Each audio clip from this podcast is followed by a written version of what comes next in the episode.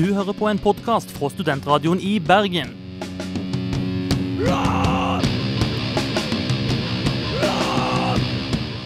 Denne og mange andre flotte podkaster finner du på podkast.srib.no.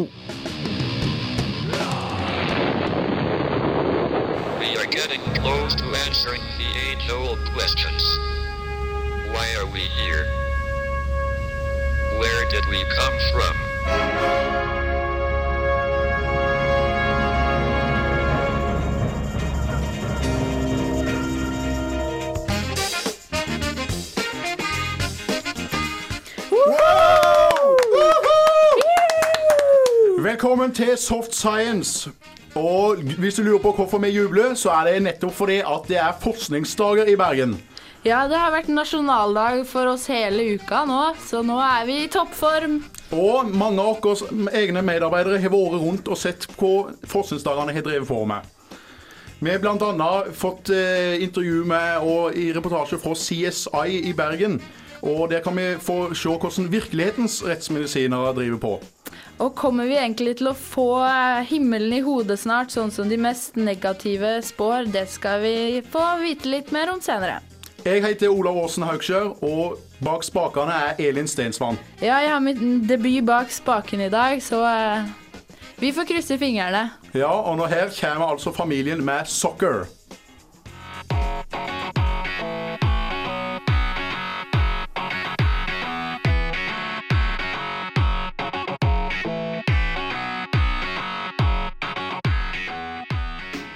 Gjenger du rundt og lurer på om du skal skaffe deg ei tatovering, da bør du følge med videre, for det kommer vi til å snakke mer om seinere.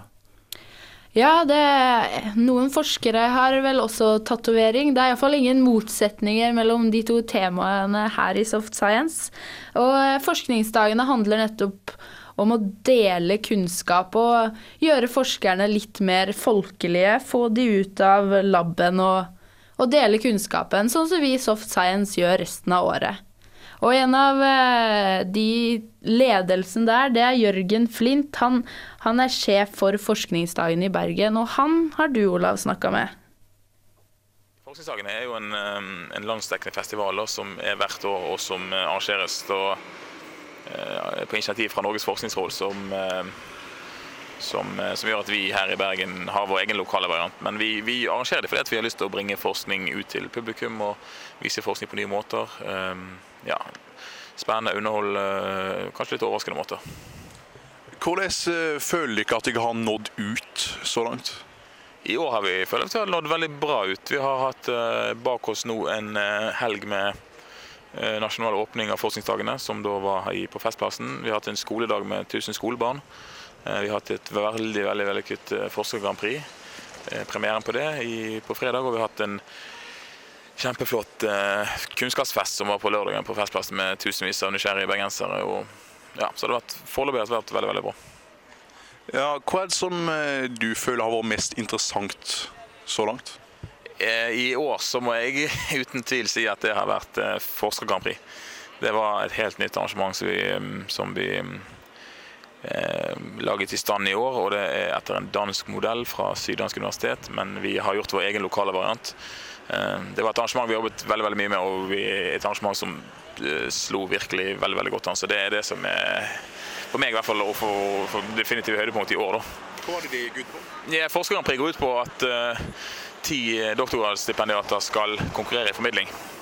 Så der satt det da eh, 250 i salen, og på scenen så det da, kom det frem da én en og en kandidat og skulle formidle i fire minutter fra doktorgraden sin. Så skulle, hadde vi tre dommerpanel med tre dommere, og publikum satte mentometerknapper. Så det var, og skulle de stemme, og dommerne skulle gi karakter. Så skulle vi kåre en vinner. Eh, og det slo veldig veldig godt an. Så det er, det er, det er en, rett og slett en formidlingskonkurranse med elementer fra Grand Prix, da, siden det heter Forsker Grand Prix. Så det, så det ja. Eh, hvordan har responsen vært, føler du? ja, på det eller på generelt. eh, Ja, responsen begynner å bli veldig bra. Vi har, eh, det er mange som eh, oppsøker forskningsdagene. Eh, Det er det definitivt. Eh, Det er blitt et årlig arrangement som veldig mange setter pris på, som folk venter skal komme om høsten. Da. Så det at jeg tror eh, jeg tror samtidig at interessen er stigende, at vi fremdeles kan eh, nå ut til flere og gjøre ting på andre måter. Det tror jeg definitivt. Men men er foreløpig veldig fornøyd. Hvordan ser du på framtida for forskningsdagene? Jeg ser med de på med eh, masse muligheter. Eh, Det finnes muligheter. Altså, forskning er noe som er veldig, veldig spennende, da. og noe som det ligger store muligheter i å formidle. Eh, Forskningsdagene gjør dette på sin måte. For vi skal nå ut til folket, så vi gjør det på vår egen måte. eh, Veldig, veldig popularisert og veldig, veldig sånn eh, eh, ja, vi skal, det skal være lettfattelig for folket, og det tror vi er flinke på. Vi har, men vi har jo selvfølgelig områder vi kan bli bedre på, og vi kan gjøre ting mer tilgjengelig. Vi kan gjøre ting på ulike måter i ulike sammenhenger. Men foreløpig tror jeg vi har gjort tingene veldig bra. Det var Olav som hadde snakket med Jørgen Flint om forskningsdagene. Og noe av det han eh, virkelig hausa opp, det var jo eh, Forsker Grand Prix, som ble arrangert for første gang her i Bergen. Og vinneren av eh, denne standup eh, forsknings... Uh, Ja, det var litt sånn Seansen. eh, Idol, eh, Ja. X-faktor-opplegg, da. Det er rett og slett en, enda en måte å gjøre forskning kul på. Og vinneren ble Ann-Kristin Molde. Og hun er jo uh, stipendiat på HF, der jeg uh, holder meg, på nordisk. Hun har lært meg eh, å analysere setninger og sånn. Så eh, jeg er veldig fornøyd med at hun vant, da. At eh, vi humanister kan nå ut til eh, befolkningen. Men det Ann-Kristin forsker på, det er hvorfor østlendinger har en sterkere tendens til å holde på dialekten når de flytter vestover, enn innflyttere fra andre landsdeler. Ja, det kan vel du svare på. Du er jo bodd på Vestlandet en stor del av livet uten at eh, noen kan avsløre det. Ja, nei, ikke så mange, tror jeg i hvert fall. Jeg har jo bodd på Leikanger i Sogn siden jeg var eh, en seks-sju år gammel, så eh, det er ikke så mange som tror på det når jeg sier det. Men eh, jeg er iallfall veldig glad for at Ann-Kristin fronter min sak, så får vi bare følge hun med argusøyne og se hva det neste hun finner på er. Ja, nei, det høres jo fornuftig ut, det. Eh, nå skal vi få høre Dwight Yoakam med 'I Want You To Want Me'.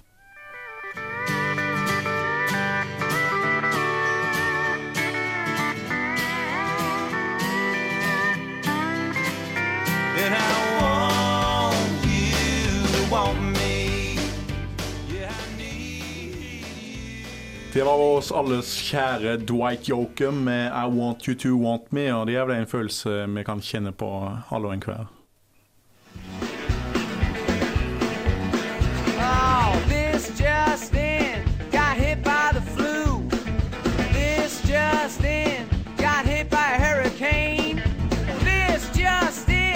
We're going to the moon with a shuttle full of signs that say Starbucks coming soon. Vi har kommet til nyhetsdelen av eh, programmet i dag, og vi holder oss eh, mest til det kroppslige. Ja, for det ser ut til at eh, det kan være andre muligheter for at folk er feite enn at de ikke gidder å trene og at de eter usunt. For nyere forskning viser til at barn som har vært smitta av et bestemt forkjølelsesvirus, er mer utsatt for fedme senere i livet, viser en amerikansk undersøkelse. Eh, Men det, fedme kan skyldes virusinfeksjon i barndommen, og de det undersøkte i en gruppe av barn og ungdommer fant ut at det var større forekomst av antistoffer mot et bestemt forkjølelsesvirus.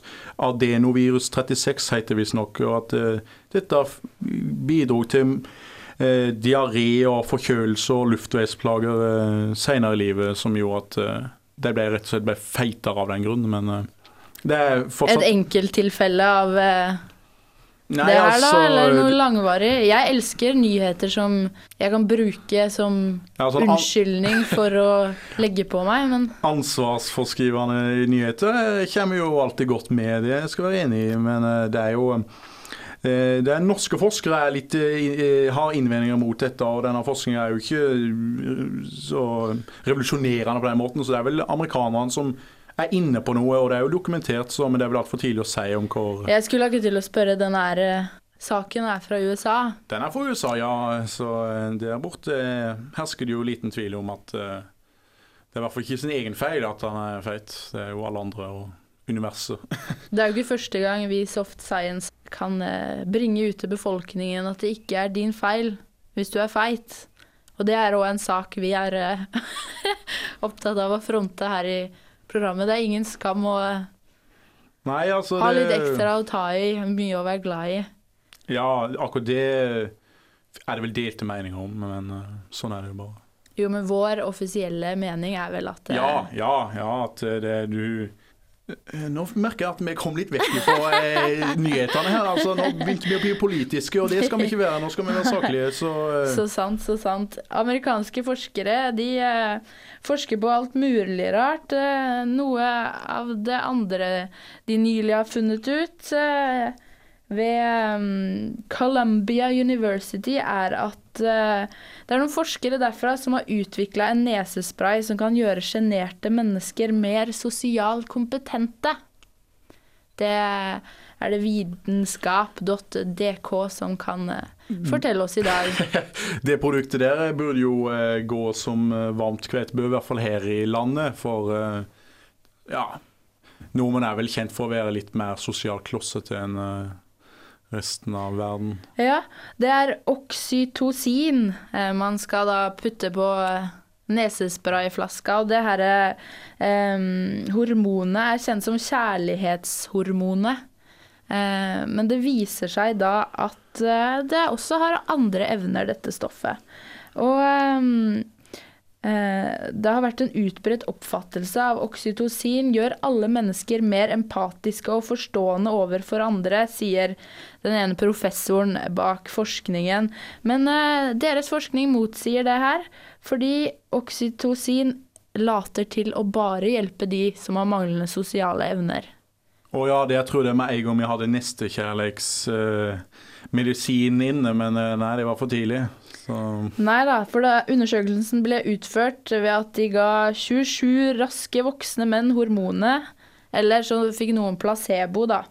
Og etter det så ble de bedt om å utføre en empatisk nøyaktighetsoppgave, eh, der de skulle liksom vise sine evner til å leve seg inn i andre sine følelser. Og eh, ja, den, den, denne medisinen hadde jo verden så avgjort tatt godt av, da, men eh, det, Men de som allerede hadde sosiale evner, de fikk ingen reaksjon på det. Nei. Men det, Ja, relativt logisk, det, da. det, det er jo ganske logisk, for så vidt. Men uh... Ja, Vi kan også meddele om at uh, til høyere du er, til fortere eldes du. Så uh, hvis Det er nyere forskning fra Colorado i USA som vil ha det til at om, hvis du er 1,90 f.eks., så eldes du faktisk fortere enn 1, på 1,60 fordi at ser du at jeg smiler over, fra øre til øre her jeg står? Ja, du kan jo smile, eh, men vi snakker jo her om milliarddeler av et sekund som du sparer inn. Å ja. Så det spørsmålet om hvor mye du kan nyte det milliarddelen av det sekundet på jorda, da. Du ser ikke bort fra at jeg og du sitter der side ved side på gammelhjemmet, og de ekstra sekundene kan være gode å ha, de. Ja, det er altså Det spørs jo det, da. Men altså, det er i hvert fall det vi, vi har det til. Og videre så stender det altså at hvis du er helt på toppen av Empire State-bygning, så gjenger klokka 104 milliondeler av et sekund raskere enn hvis du står på bakken. Så det har jo noe med eh, hvor langt ifra jorda du er, da. Så, Ja, det her eh, tar jo Erlend Lo heftig for seg i eh, Naiv super. Tenkte jeg ville meddele det. Vi har eh, vært inne på nordisk før i dag. mm. Les Naiv super, så lærer du eh, mer om det. Hvor høy er du, Ola? Uh, ja, jeg er bare 1,85, så det er ikke så voldsomt. Ja, nei, men da har jeg 20 cm å gå på i hvert fall, så Ja, men med å ja, Fun fact om det. altså eh, Verdens høyeste folkeslag er faktisk eh, hollenderne, eh, altså i Nederland. og aller høyeste i hele verden. ja, Oh. og Så nordmennene kommer da på en litt kjip fjerdeplass. Så, men slått av både tyskere og svensker. Så, Såpass, ja. men det er jo fortsatt en bra plassering. Men nok om det. Nå skal vi altså få høre ukas låt, som er No Age med Chemtrails. When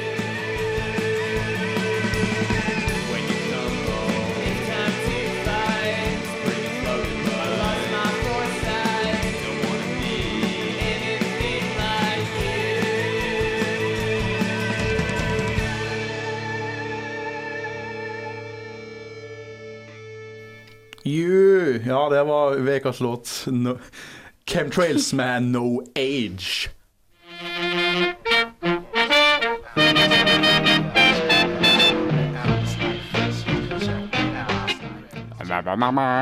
La-la-la-la-la. Unnskyld. Soft science om vitenskap og sånn. Og hvis vi ikke vet hva vi snakker om, så sier vi i hvert fall unnskyld.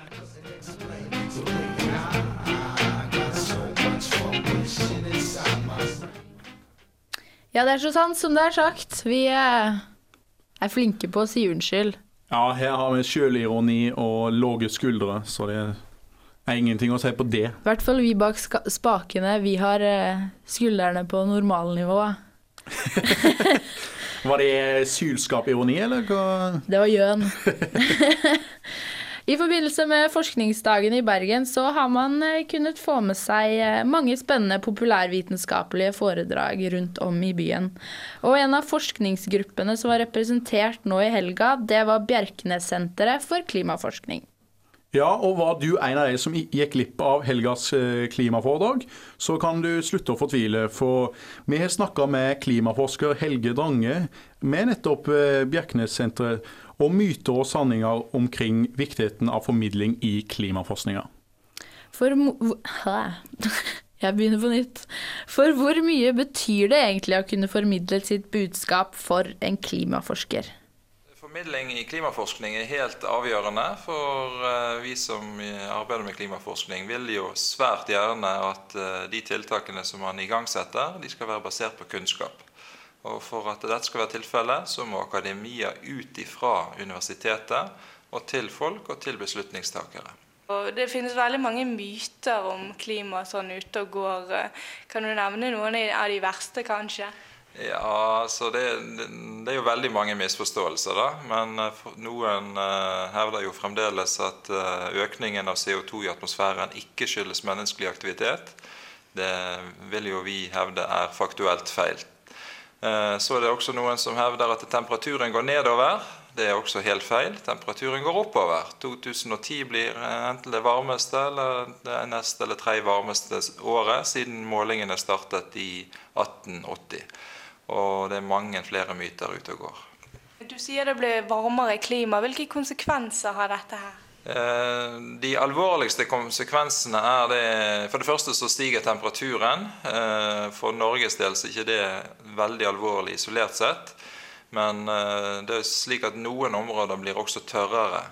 Og Det gjelder da to belter på hver side av ekvator. På den nordlige halvkule så går dette beltet da med redusert nedbør gjennom Mexico, sørlig Europa, Nord-Afrika og inn mot Midtøsten. Og på sørlig halvkule så går dette beltet gjennom f.eks. deler av Amazonas, sørlige Afrika og Australia.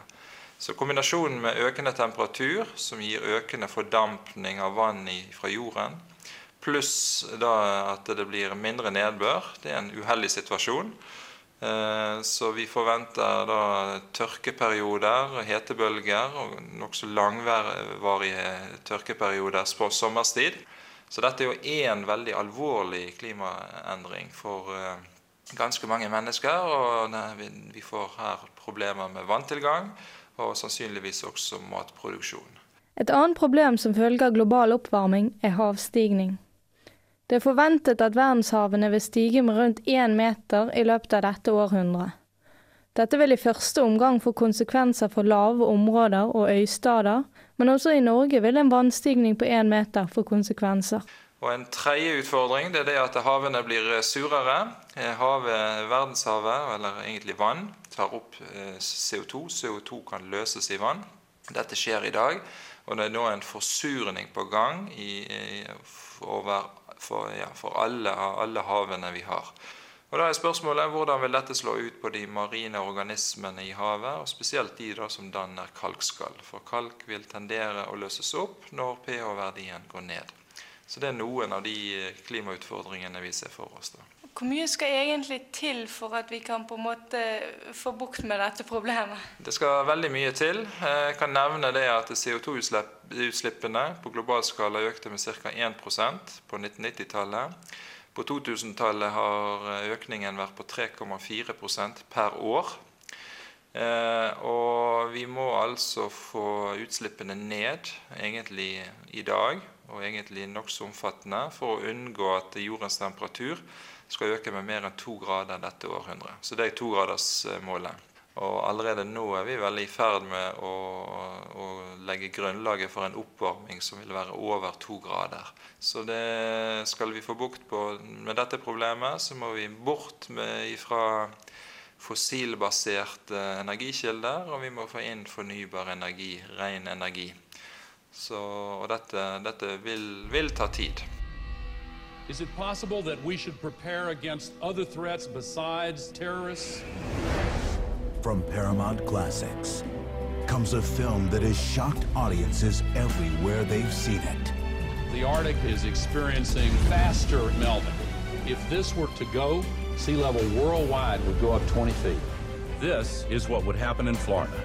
Around Shanghai, home to 40 million people. The area around Calcutta, 60 million. Here's Manhattan. The World Trade Center Memorial would be underwater. Think of the impact of a couple hundred thousand refugees, and then imagine a hundred million. Et lite spørsmål til slutt om Har du sett An Inconvenient Truth? Ja, jeg kjenner til både filmen og boken, så ja, det har jeg.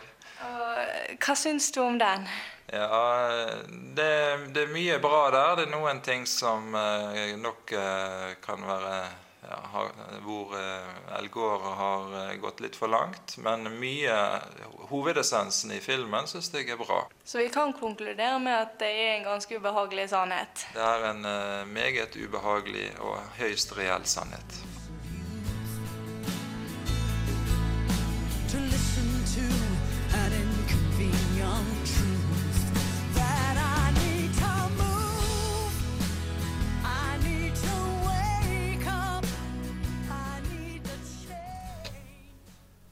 Tankevekkende innslag der av altså Toril Eidsvåg. Mye interessant stoff. Er du ikke enig, Elin? Jo, og hvis det var noe du eh, følte du ikke fikk svar på, så er det bare å sende Toril en mail. Hun er liksom vårt eh, vitenskapelige alibi, rett og slett. Hun eh, vet hva hun snakker om. Nå skal vi høre Dunderhonning med støv.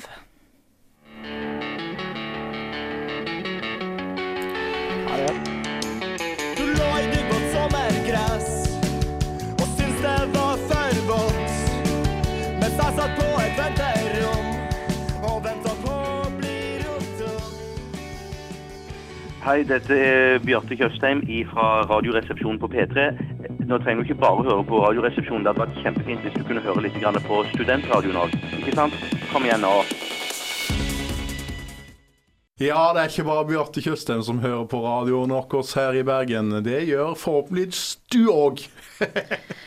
Ja, og så har jeg fått litt kjeft av eh, Olav under sangen her, for at jeg presterte å kalle Toril vårt eneste vitenskapelige alibi. Det jeg mente da, var at uh, Toril har en eh, bachelor i fysikk. Hvor lenge har du jobba med vitenskap, Olav? Jo, det er helt siden O-fag på folkeskolen. Da starta jeg på livets lange utdanning innenfor forskning og vitenskap. Og jeg må si at jeg er fornøyd med min egen utdannelse. Ja. Nei, jeg eh, Fysikkdelen er jeg ikke så god på, men eh, kom her og spør meg om noe som har med nordisk eller kropp å gjøre, så skal jeg gi deg Å svar. ja. ja. Nei, men det, ja, apropos kropp. Tatoveringer. Det skal vi jo nå snart få høre om. Ja, for man ser dem jo overalt. På butikken og i prøverommet og i dusjen eh, her nede på eh, studentidrettshallen. Man ser de på legger og lår og på rumper og armer. Tatoveringer er visst eh, kommet for å bli. Har du noen tatoveringer, Elin Stensvann? Nei, det har jeg ikke. Det får jeg ikke lov av pappa, faktisk. Hva med deg? Nei, ingen tatoveringer her. Men uh, vi må vel høre litt på eh, litt fakta omkring dette emnet òg. Ja, det er uh, dagens Hvorfor det? som skal gi oss svar på det vi måtte lure på. Hvorfor det? Hvorfor det? Hvorfor det? Hvorfor det? Hvorfor det? Hvorfor det? Kødder du, eller? Hvorfor det? Hvorfor det? Hvorfor det? Hvorfor det? Soft Science presenterer Kvifor det? Kvifor det? Kvifor det? I dag Hvorfor varer tatoveringer livet ut? Ifølge professor Jørgen Serup, som er overlege på hudavdelingen på Bispebjerg hospital i Danmark, blir tatoveringer værende fordi tatoveringspigmentene som gir fargen, er krystaller, altså en slags fremmedlegemer. I prinsippet er disse de samme som man bruker i farge- og lakkindustrien, altså det samme pigmentet som man finner på en rød bil eller et lærbelte f.eks. Dette er typisk krystaller som er stabile. Likevel er det ikke helt riktig at fargen varer hele livet. Cellene i kroppen blir stadig fornyet, og dermed foregår det en gradvis utvasking av pigmentet. Røde og gule tatoveringer har en tendens til å blekne, og dette kan man se på mange eldre tatoveringer. De svarte og grønne holder seg noe bedre, av en eller annen merkelig grunn. Men det hender jo man angrer på tatoveringen. Inntil for få år siden var da kirurgisk fjerning, sliping eller frysebehandling de eneste behandlingsalternativene man hadde for å fjerne tatoveringer, men dette er behandlingsformer som etterlater arr eller pigmentforandringer i huden, og gir derfor ikke et optimalt sluttresultat. Utviklingen av lasere har etter hvert gjort det mulig å fjerne ulike former for tatoveringer på en atskillig bedre måte. Forsøk på å fjerne tatoveringer har man sett langt tilbake i tid, bl.a. på mumier fra Egypt, der man ser at tatoveringer delvis er fjernet.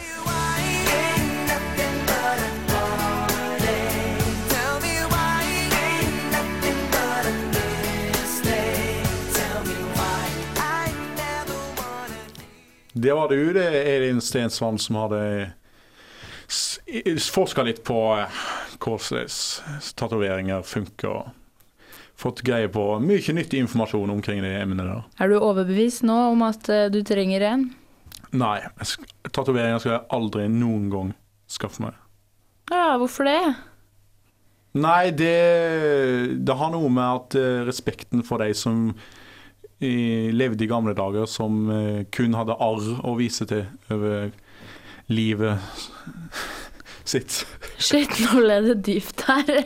Ja, men altså, eh, det er jo liksom en Jeg vet ikke hvordan jeg skal forklare det, men det ja, altså, Ingenting imot de som har tatoveringer, det, det irriterer meg på ingen måte. Men jeg vil jo aldri kunne tenke meg å ha det sjøl. Men jeg mener at tatoveringer er liksom et forsøk på å vise noe som Ja.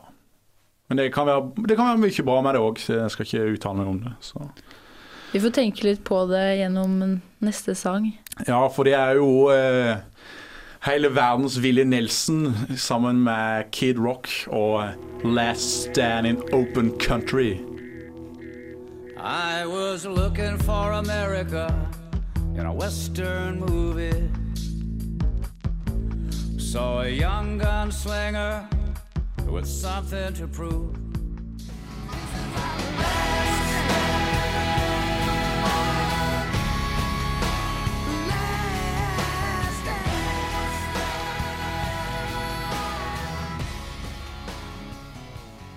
Ja, jeg var så heldig å få se eh, denne herremannen Willy Nelson nå i sommer, og det må jeg si var en stor opplevelse. Riktignok uten Kid Rock, men eh, en litt mer laber Kurt Nilsen som kom inn på et av numrene. Så det, det var nå så. Men eh, det var i hvert fall Last Stand in Open Country med Willy Nilsen og Kid Rock.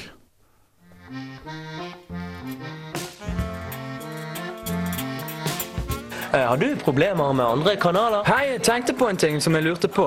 Hva var det? Vet ikke. Kan du gi meg svar? Mm, TV er dritkjedelig. Alt skjer på radio nå til dags. Gjør det? Studentradioen. Det er her det skjer.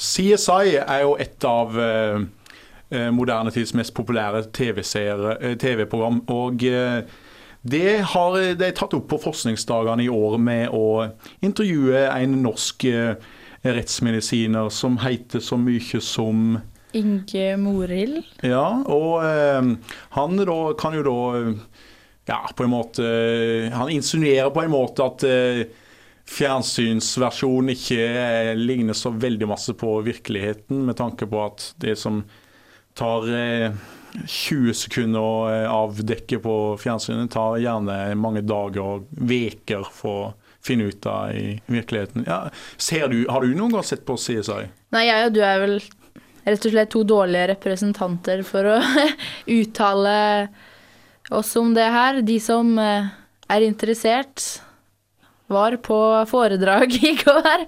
Nei, det er ikke det at det ikke er interessant, men seriene har vi vel ikke sett så mye på. For det Soft Science har snakka om tidligere òg, er dette med at, at på TV er det jo så lett. Det er spor overalt, og, og det skal ingenting for å finne det ut. Og det gjør at, at folk som ser mye på sånne serier, de, de får litt falske forventninger til, til hva man kan finne ut, og hvor lang tid det tar, og og så videre og så videre. Så i går kveld var da Inge Morild på Kvarteret for å opplyse studentene og alle andre interesserte. Politiet har jo vært der, som vi ser. Og har gjort seg opp en mening om at dette må være litt mistenkelig. Og luftambulansen var så vidt innom og konstaterte at denne mannen er død. Det er ikke noen tvil om det. ser vi.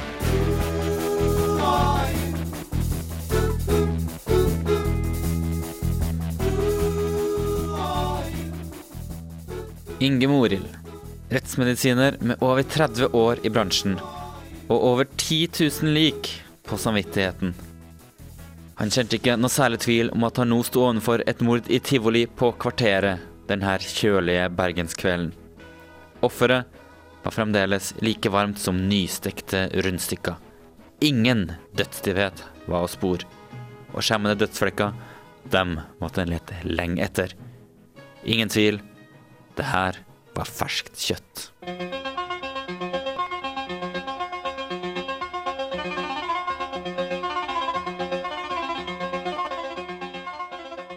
Med sånne her svulmende ord og klisjeer er han ikke langt unna den makabre fremstillinga på TV. Men der stopper det ganske ofte. For heldigvis er ikke Morild overarbeida med sånne syn. Faktisk så skjer det kun rundt seks drap på hele Vestlandet hvert år, ifølge statistikken til Kripos. Seks drap som Morild og hans to medarbeidere på Gades institutt på Universitetet i Bergen må undersøke etter spor. Spor som kan avsløre hva som faktisk har skjedd, og ikke minst hvordan. Og den jobben starter lenge før en begynner undersøkelsene på liket. Før vi begynner så må alt dokumenteres med i hvert fall fotografering. Og så må man da sørge for at alle mulige ting som kan ha betydning, f.eks. det kan ligge hår eller fiber eller på kroppen, på klærne, alt det må sikres før man i det hele tatt kan, kan ta i liket.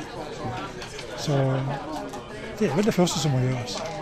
Og så er det viktig å få dokumentert det opprinnelige åstedet. For det plutselig er en som snur på en stol, og som gjør et eller annet, og så er det ingen som husker hvordan det egentlig så ut. Dokumentasjon. Eh, Så er det jo en del spor som må sikres. Hva slags spor er det som er de kjekkeste å bruke her i det virkelige livet? Nei, altså Hvis vi finner et godt fingeravtrykk, så er jo det kjærkomment. Det er vanskelig å påvise fingeravtrykk på lik på hud, men eh, på omgivelser, på en, et våpen f.eks., det er jo gull verd. Men også bare det å ha tatt i et våpen kan avsette DNA fra en gjerningsmann. Så det er den type spor. Eller hvis man da er så dum at man setter et fingeravtrykk i blod, f.eks. Det er jo noe som politiet fryder seg over. Det her handler om CSI. Eh, Hva er de største forskjellene mellom den måten du jobber på og den som vi blir utsatt for på TV Norge sent på kvelden? Nei, det er jo alt, alt går jo lynkjapt. Man får alle prøver i løpet av et øyeblikk. Og så dette med at alle mulige videoopptak, lydopptak, alt det blir gjengitt med utrolig skarphet. Det er bare å stille på en bryter og trykke på noen knapper, så blir det Sånn er det jo ikke i virkeligheten. Vi har dårlige overvåkningskamera med, noe, med fem piksler, og som da skal gjøre skarpe. Det er fryktelig vanskelig. Hvordan ville livet ditt vært eh, på jobben hvis eh, det hadde vært som på TV? Det hadde jo antagelig gått uh, mye kjappere, da. Uh, Du har fått samme resultatene, tror du? Jeg tror kanskje vi har fått mye av samme resultat, og det gjør vi, men det tar litt lengre tid hos oss.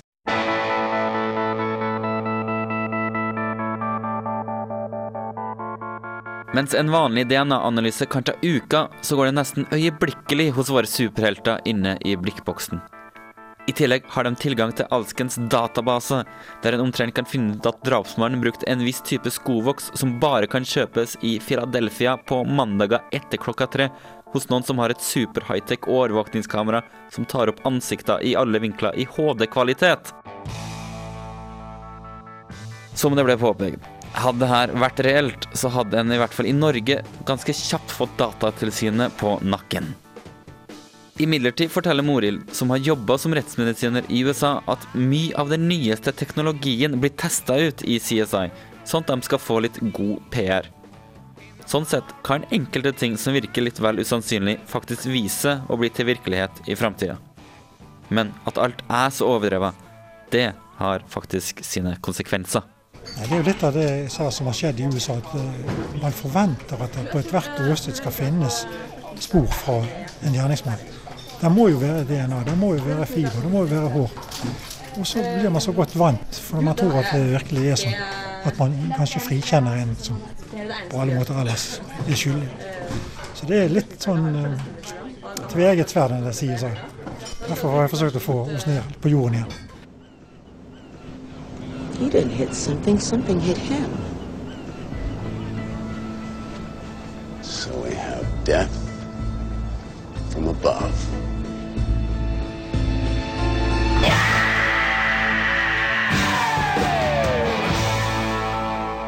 Det var vår mest erfarne medarbeider her i Soft Science og programsjef Olav Helge Storli som hadde dekka dette arrangementet for oss her i Soft Science. Nå skal jeg og Olav rett hjem og se på CSI, ja visst. CSI. Nei, det, det, men det var interessant. Og, eh, men jeg er vel mest interessert i en dokumentar om eh, det virkelige eh, rettsmedisinerne enn akkurat den amerikanske fjernsynsserien, må jeg innrømme. Ja, jeg kan være enig med deg i det. Nå skal vi høre Rose Eleanor Dougal med Rose Eleanor. promised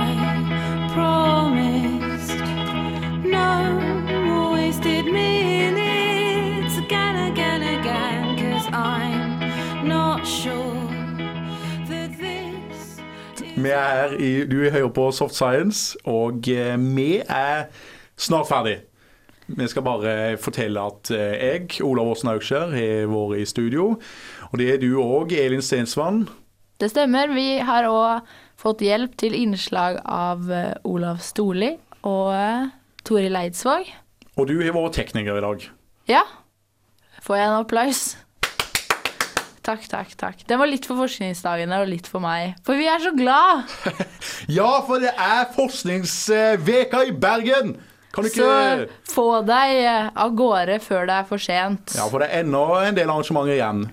Og vi kan jo ikke glemme mm, produsenten vår, Andreas Roaldsnes. Han eh, sitter bak der. Og eh, hvis du lurer på noe som helst, så eh, kan du jo bare sjekke e-postadressa vår, som er Softscience i et ord at srib.no. Og vi elsker å få mail. Ja, så Kan send ikke få mail. nok. Og hvis du syns dette programmet var så gøy at du vil høre det en gang til, så gå inn på Studentradioen i Bergen sine hjemmesider og Softscience og hør vår podkast. Du hører på en podkast fra Studentradioen i Bergen.